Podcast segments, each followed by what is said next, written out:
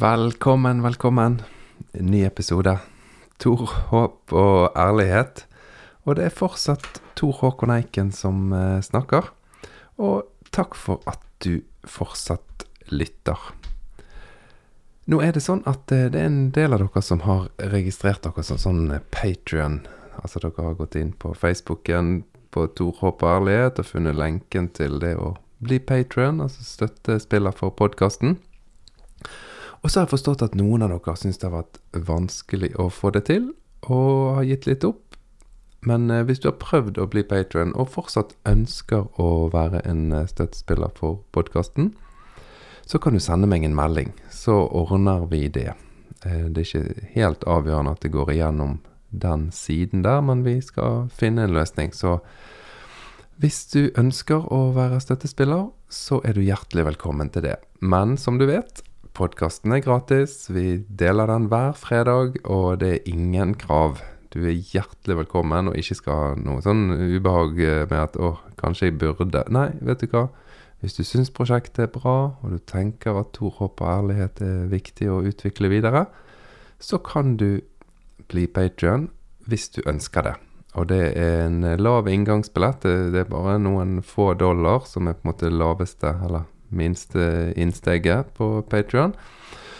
Ja, tusen takk til dere som har gjort det. Det fører nok til at i løpet av noen uker nå så kommer det litt flere gjester. Jeg har mm, prøver å få eh, ordnet sånn at jeg kan snakke med gjester så jeg ikke klarer å få besøk, da, men med et lydopptak som eh, fungerer greit nok. Eh, så det er neste investering. Men ja, nok om Patrion. Veldig kjekt at noen av dere ville være med og støtte. Og for dere som ikke er klar for det nå, eller ikke ønsker det, ingen stress, sant. Støtt hvis du vil, og ikke hvis du ikke vil. ja. Du vet hva, i dag så har jeg bestemt meg for å servere deg en andakt. For noen av dere så er andakt et sånn veldig kjent begrep, og um, trenger lite forklaring og lite innledning. Mens for andre så er jo kanskje det begrepet andakt veldig ukjent og uforklarlig. Du kan eh, tenke på andakt som en sånn um, Ja, det er en slags motivasjonsprat. Eller en ja, en tar veldig ofte utgangspunkt i at en leser noen ord fra de gamle tekstene i Bibelen. Og så prøver en å tenke litt høyt om hva disse versene kan bety for oss i dag.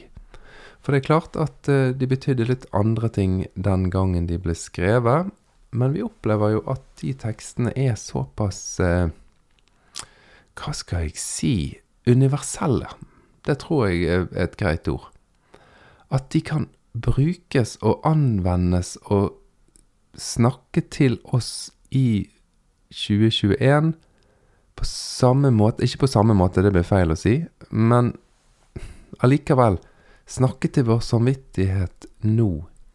På samme måte som de snakket til samvittigheten til mennesker når de ble skrevet. Og når jeg da sier på samme måte, så er jo jeg veldig klar over at eh, en person som levde i bronsealderen i Midtøsten, hadde ganske andre utfordringer sånn rent eh, materielt og fysisk enn mye av det vi står overfor i dag. Men det som er fascinerende med disse gamle tekstene, det er at de allikevel oppleves som ganske så relevante ofte jeg tror du vil være enig med meg når du har hørt denne andakten. Ja. I dag er det altså andakt. Eh, I tidligere tider så hadde jeg en jobb som eh, pastor, og da holdt jo jeg masse andakter. Det var på en måte en, en fast ting i både i vielser og begravelser og på møter og sånt. Um, men det, jeg er jo kanskje litt rusten på andakt, men um, jeg skal gjøre en andakt i dag. Men denne andakten vil inneholde en del lesing av litt sånn kjente, anerkjente tekster. Så det kan godt hende at uansett om du er vant med andakt eller ikke, så har du hørt noen av disse versene tidligere. Før jeg går i gang med den lesingen, så vil jeg bare nøste opp litt fra de episodene som har vært. Um, og det er ikke sånn at du er nødt til å høre alle episoder.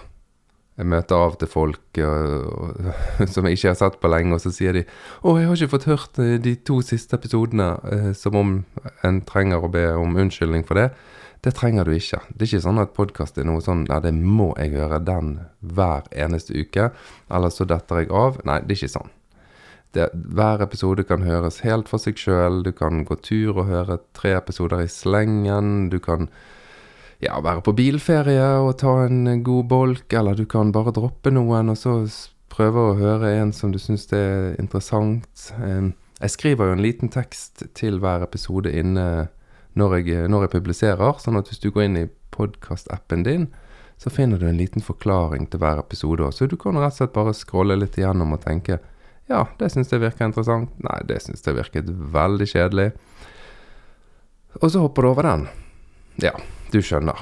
Men bare for å connecte, koble litt på det som var sist gang. Nå har vi snakket nemlig flere ganger om en bok som heter Ruths bok. Og for meg har det vært veldig fascinerende å se at midt inni en haug med kriger og helt grusomme handlinger og nedslaktinger og overgrep og parteringer av kropper og ja, de mest groteske beskrivelser av ja, Ikke så sterke beskrivelser, men veldig groteske fortellinger, hvis du tenker gjennom hva som egentlig fortelles. Midt inni en sånn rekke av grusomheter, så kommer altså Ruths bok. En liten bok på fire kapitler. Hovedinnholdet er at to kvinner hjelper hverandre i en enorm livskrise. Og for meg så er det ikke tilfeldig at det er sånn. Jeg tror forfatterne puttet den inn med vilje. For når ting er som mørkest og som aller vanskeligst i livet, så er det allikevel noe lys, og det lyset er stort sett i møte med mellom enkeltpersoner. Sånn har det alltid vært, og sånn vil det alltid være. Uansett hvor mørkt og forferdelig det er rundt deg, så er det i møte med andre mennesker at du møter ja, kall det Gud, da. Du møter kjærlighet, trofasthet, overgivelse, ærlighet, støtte. Ja, du møter folk som våger å snakke sant til deg. Og jeg tror at denne fortellingen er der. Jeg tror også at forfatterne prøvde å si det at denne loven som vi har fått, den kommer til å gjøre at ting blir bedre. For det er sånn at vi mennesker, vi trenger å ha et håp om at ting kan bli bedre. Det er jo bare å se nå når vi har vært, hatt lang, lang nedstenging, og vi merker at det går på humøret løs. Vi oppmuntrer jo hverandre med den tanken at alt kommer til å bli bra. Når vi møtes igjen, så blir ting bra.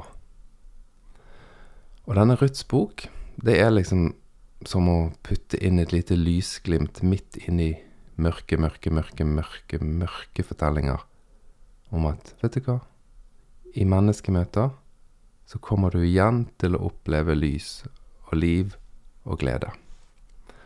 Og så tror jeg disse forfatterne vil si at den loven vi har fått, denne Moseloven, den kommer til å sørge for at samfunnet vårt blir bra.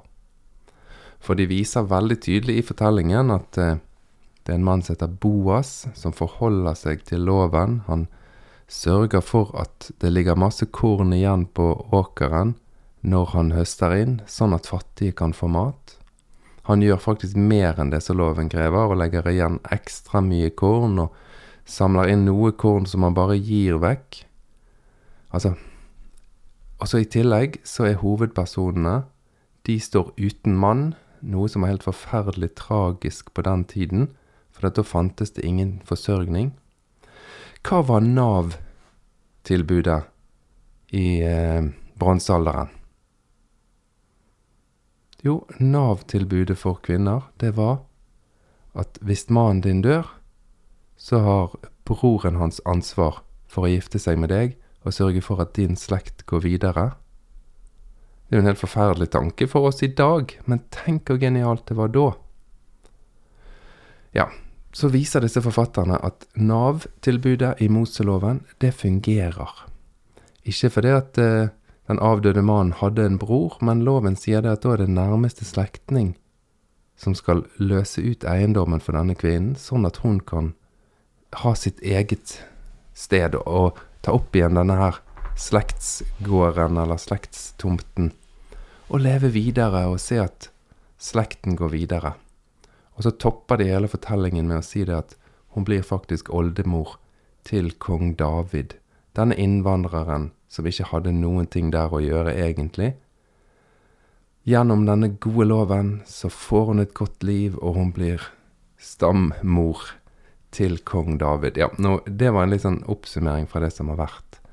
Disse forfatterne, de prøver å si til sin samtid ja, det er mørkt, det er svart, det er krig, det er elendighet, men midt i dette så finnes menneskemøter, og så har vi fått oss en lov som Gud har gitt til oss, som kommer til å sørge for at dette samfunnet blir bra.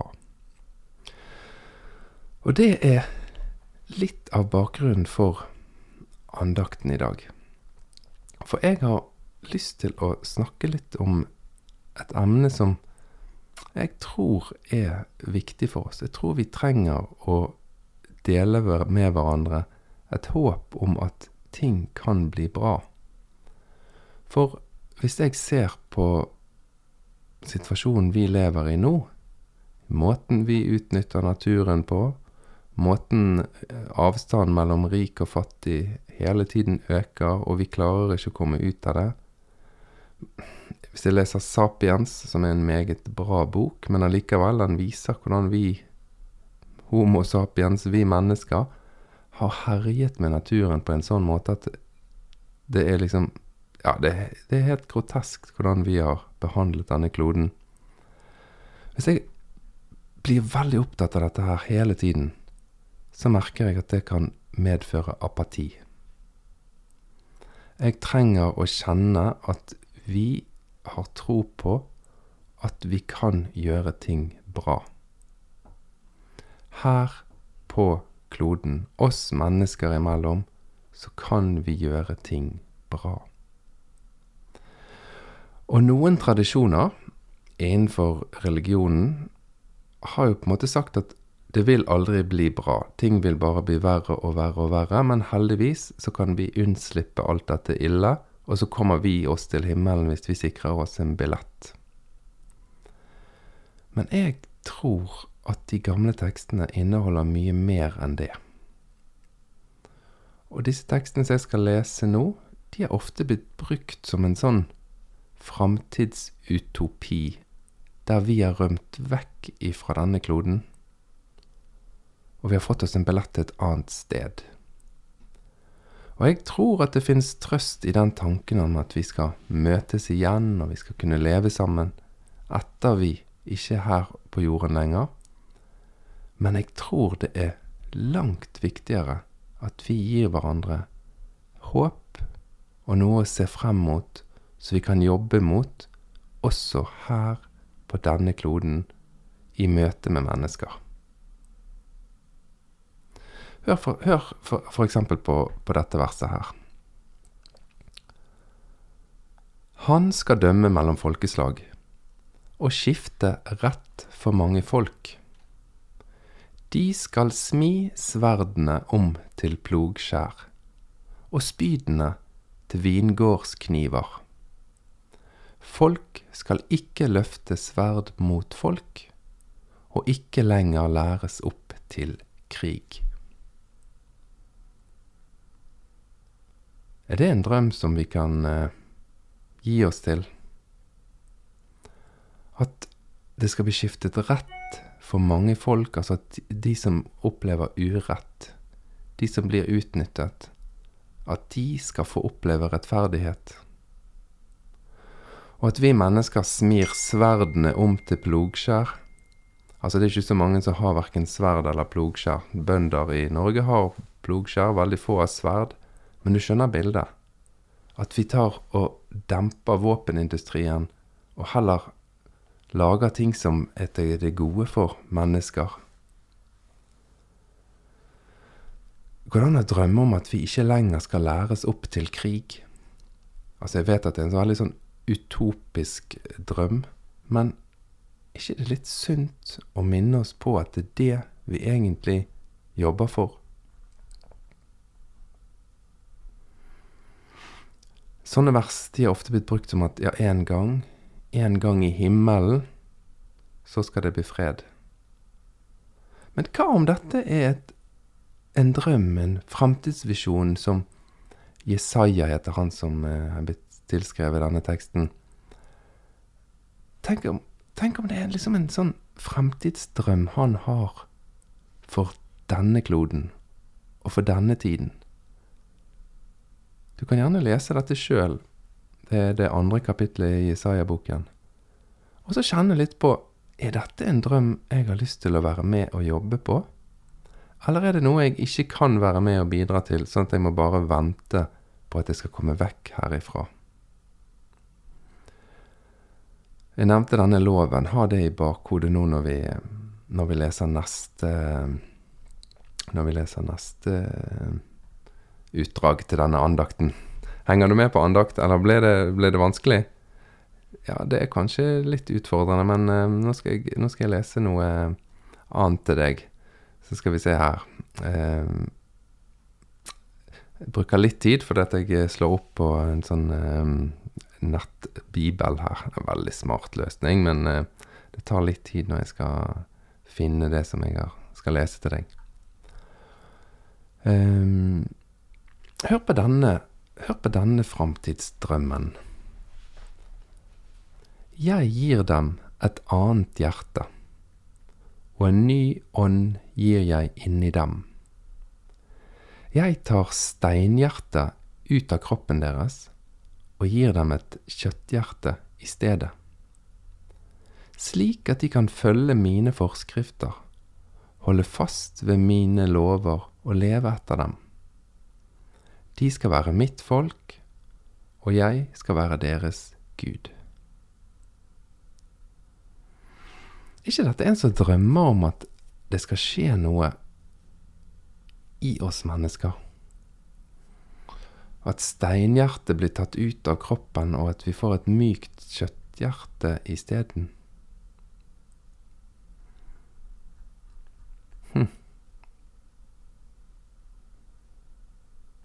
Jeg skal lese én ting til.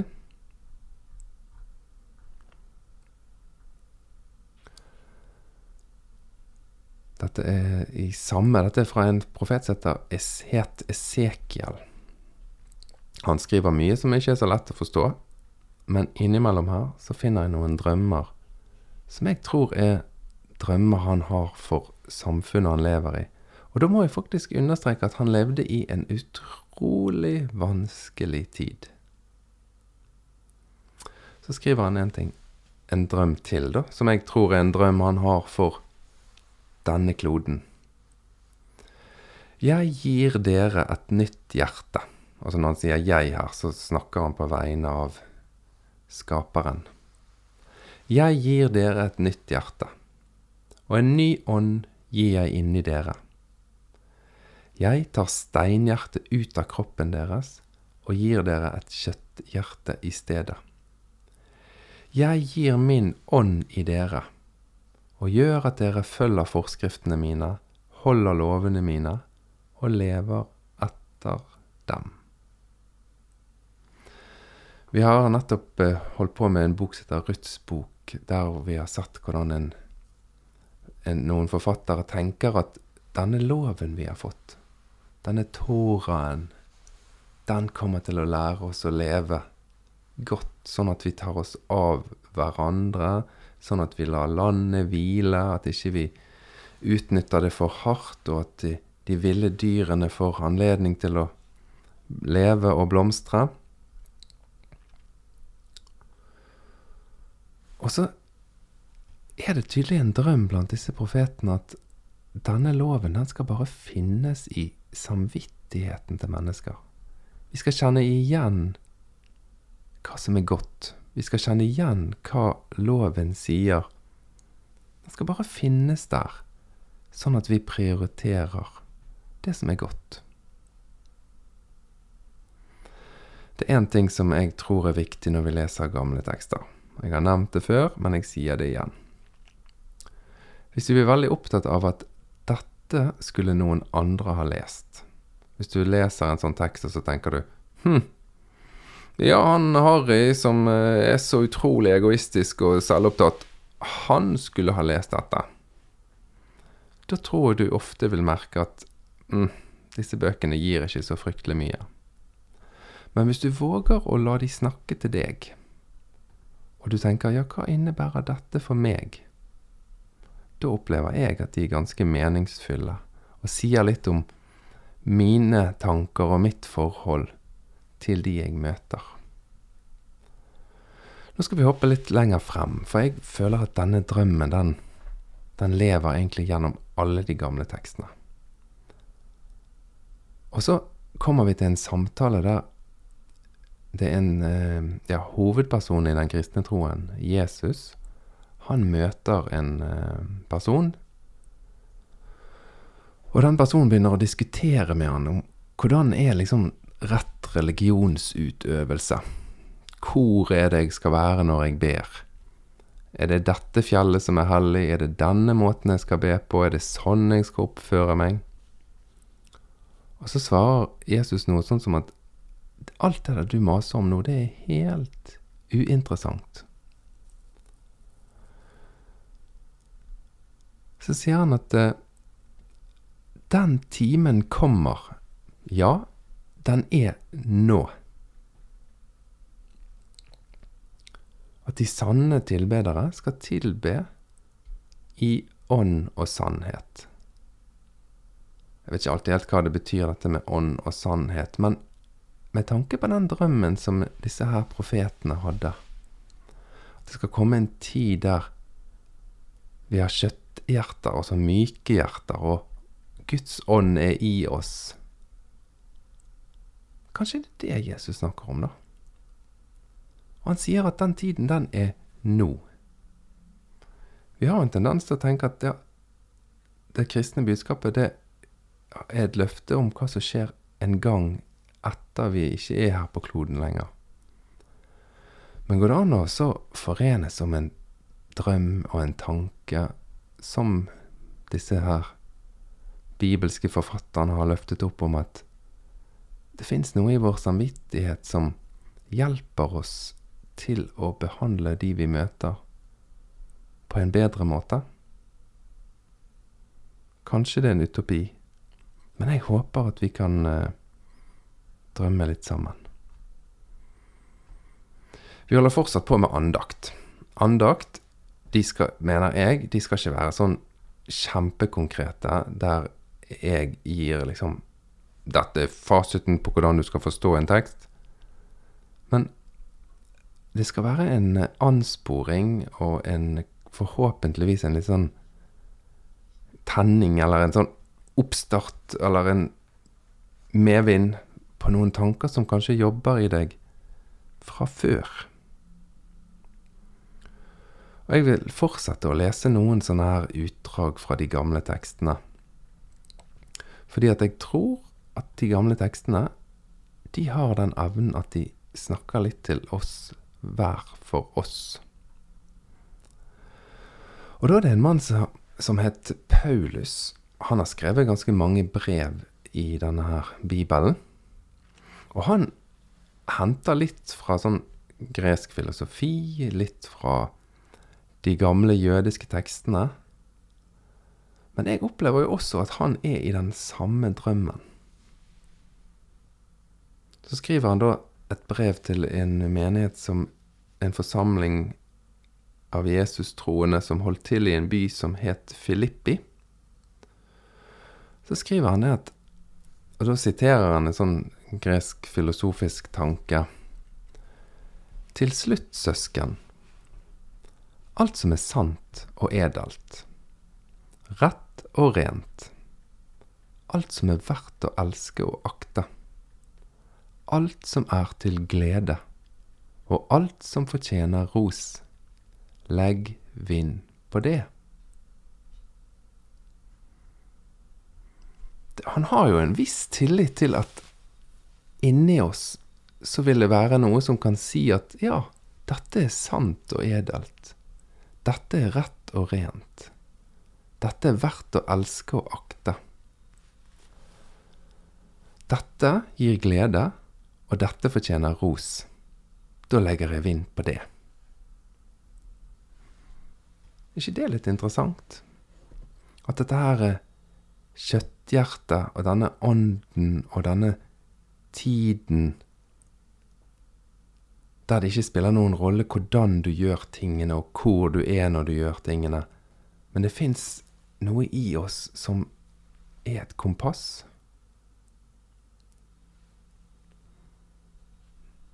Blir det for svevende? Blir det for lite konkret? Ja, Det er i så fall litt av hensikten. For det skal ikke være Tor Håkon som prøver å dele en fasit som han har funnet frem. Det skal være en andakt som forhåpentligvis anspore noen tanker som kanskje kan jobbe litt sammen med deg i uken som kommer. Dette er siste, siste tekstutdraget. Og da er det igjen Paulus som skriver til en menighet som holdt til i Korint. Og da skriver han at dere viser at dere er Kristi brev, altså Jesus sitt brev, blitt til ved vår tjeneste. Det brevet er ikke skrevet med blekk, men med den levende Guds ånd, ikke på steintavler, men i hjerter, på tavler av kjøtt og blod. Minner ikke dette som han skriver her, denne her tanken om at eh, måten de lever på, disse menneskene, det er et slags brev fra Jesus. Et brev som er skrevet på Hva var det han profeten Esekiel sa i Det gamle testamentet? At han gir oss et hjerte av kjøtt ikke på steintavler, men i hjerter, på tavler av kjøtt og blod. Det er veldig billedlig språk, dette her. Så vi må oversette det sjøl, men jeg tror det er litt sunt at jeg ikke prøver å oversette det i detalj. Men kanskje dette kan være en drøm vi kan gi oss til i en litt vanskelig tid? Kanskje det at eh, Kanskje vi kan tro på det at det fins en evig ånd som er med oss, og som snakker til vår samvittighet, som gjør at vi kan våge å ta nye steg og drømme om en fremtid som er bedre for flere. Dette var dagens andakt. Eh, håper, som sagt, at han har gitt noen tanker. Og hvis du lurer på hvor jeg har lest eh, fra, så har jeg lest det fra Jesaja kapittel 2, Esekiel kapittel 11, Esekiel kapittel 36, Johannes evangeliet kapittel 4, Filippa-brevet kapittel 4 og andre Korinterbrev kapittel 3. Du har sikkert skjønt før at jeg ikke er så happy og veldig giret på sånn vers, vers, vers. Det verset sier sånn, og da skal vi gjøre sånn. Jeg har veldig tro på å lese en helhet og se på helheten av disse skriftene og prøve å våge å lese alt. Men eh, det nytter jo ikke å lese alt hver eneste gang, eh, så denne gangen har jeg plukket ut litt vers. Men eh, hvis du sjøl skal lese, så anbefaler jeg deg å lese i hvert fall hele kapitlet, ikke bare et vers. Og du vil se at den kapittelinndelingen, den har jo aldri vært der fra starten av. Ofte så er kapittelinndelingen bare midt inni noe som henger helt sammen med kapittelet før, Sånn at verset som du, det kapittelet begynner med, gir egentlig ingen mening hvis ikke du leser det i sammenheng med kapitlene før. Så hvis du skal gå gjennom og lese dette sjøl, så håper jeg at du leser litt sammenheng, og tenker litt hva det kan bety i sin store sammenheng. Tror du andakter kan fungere i 2021, eller er vi blitt liksom for kloke? Er vi kommet forbi disse gamle tekstene? At vi lager våre egne tanker, eller er det sånn at disse tekstene fortsatt kan minne våre hjerter på hva som er godt og rett, og hva som er verdt å legge merke til, og hva som er verdt å legge vind på? Dette er i hvert fall et forsøk på å lage en andakt for 2021. Yes, takk for nå. Vi møtes igjen neste fredag klokken 07.00. Ha det riktig godt.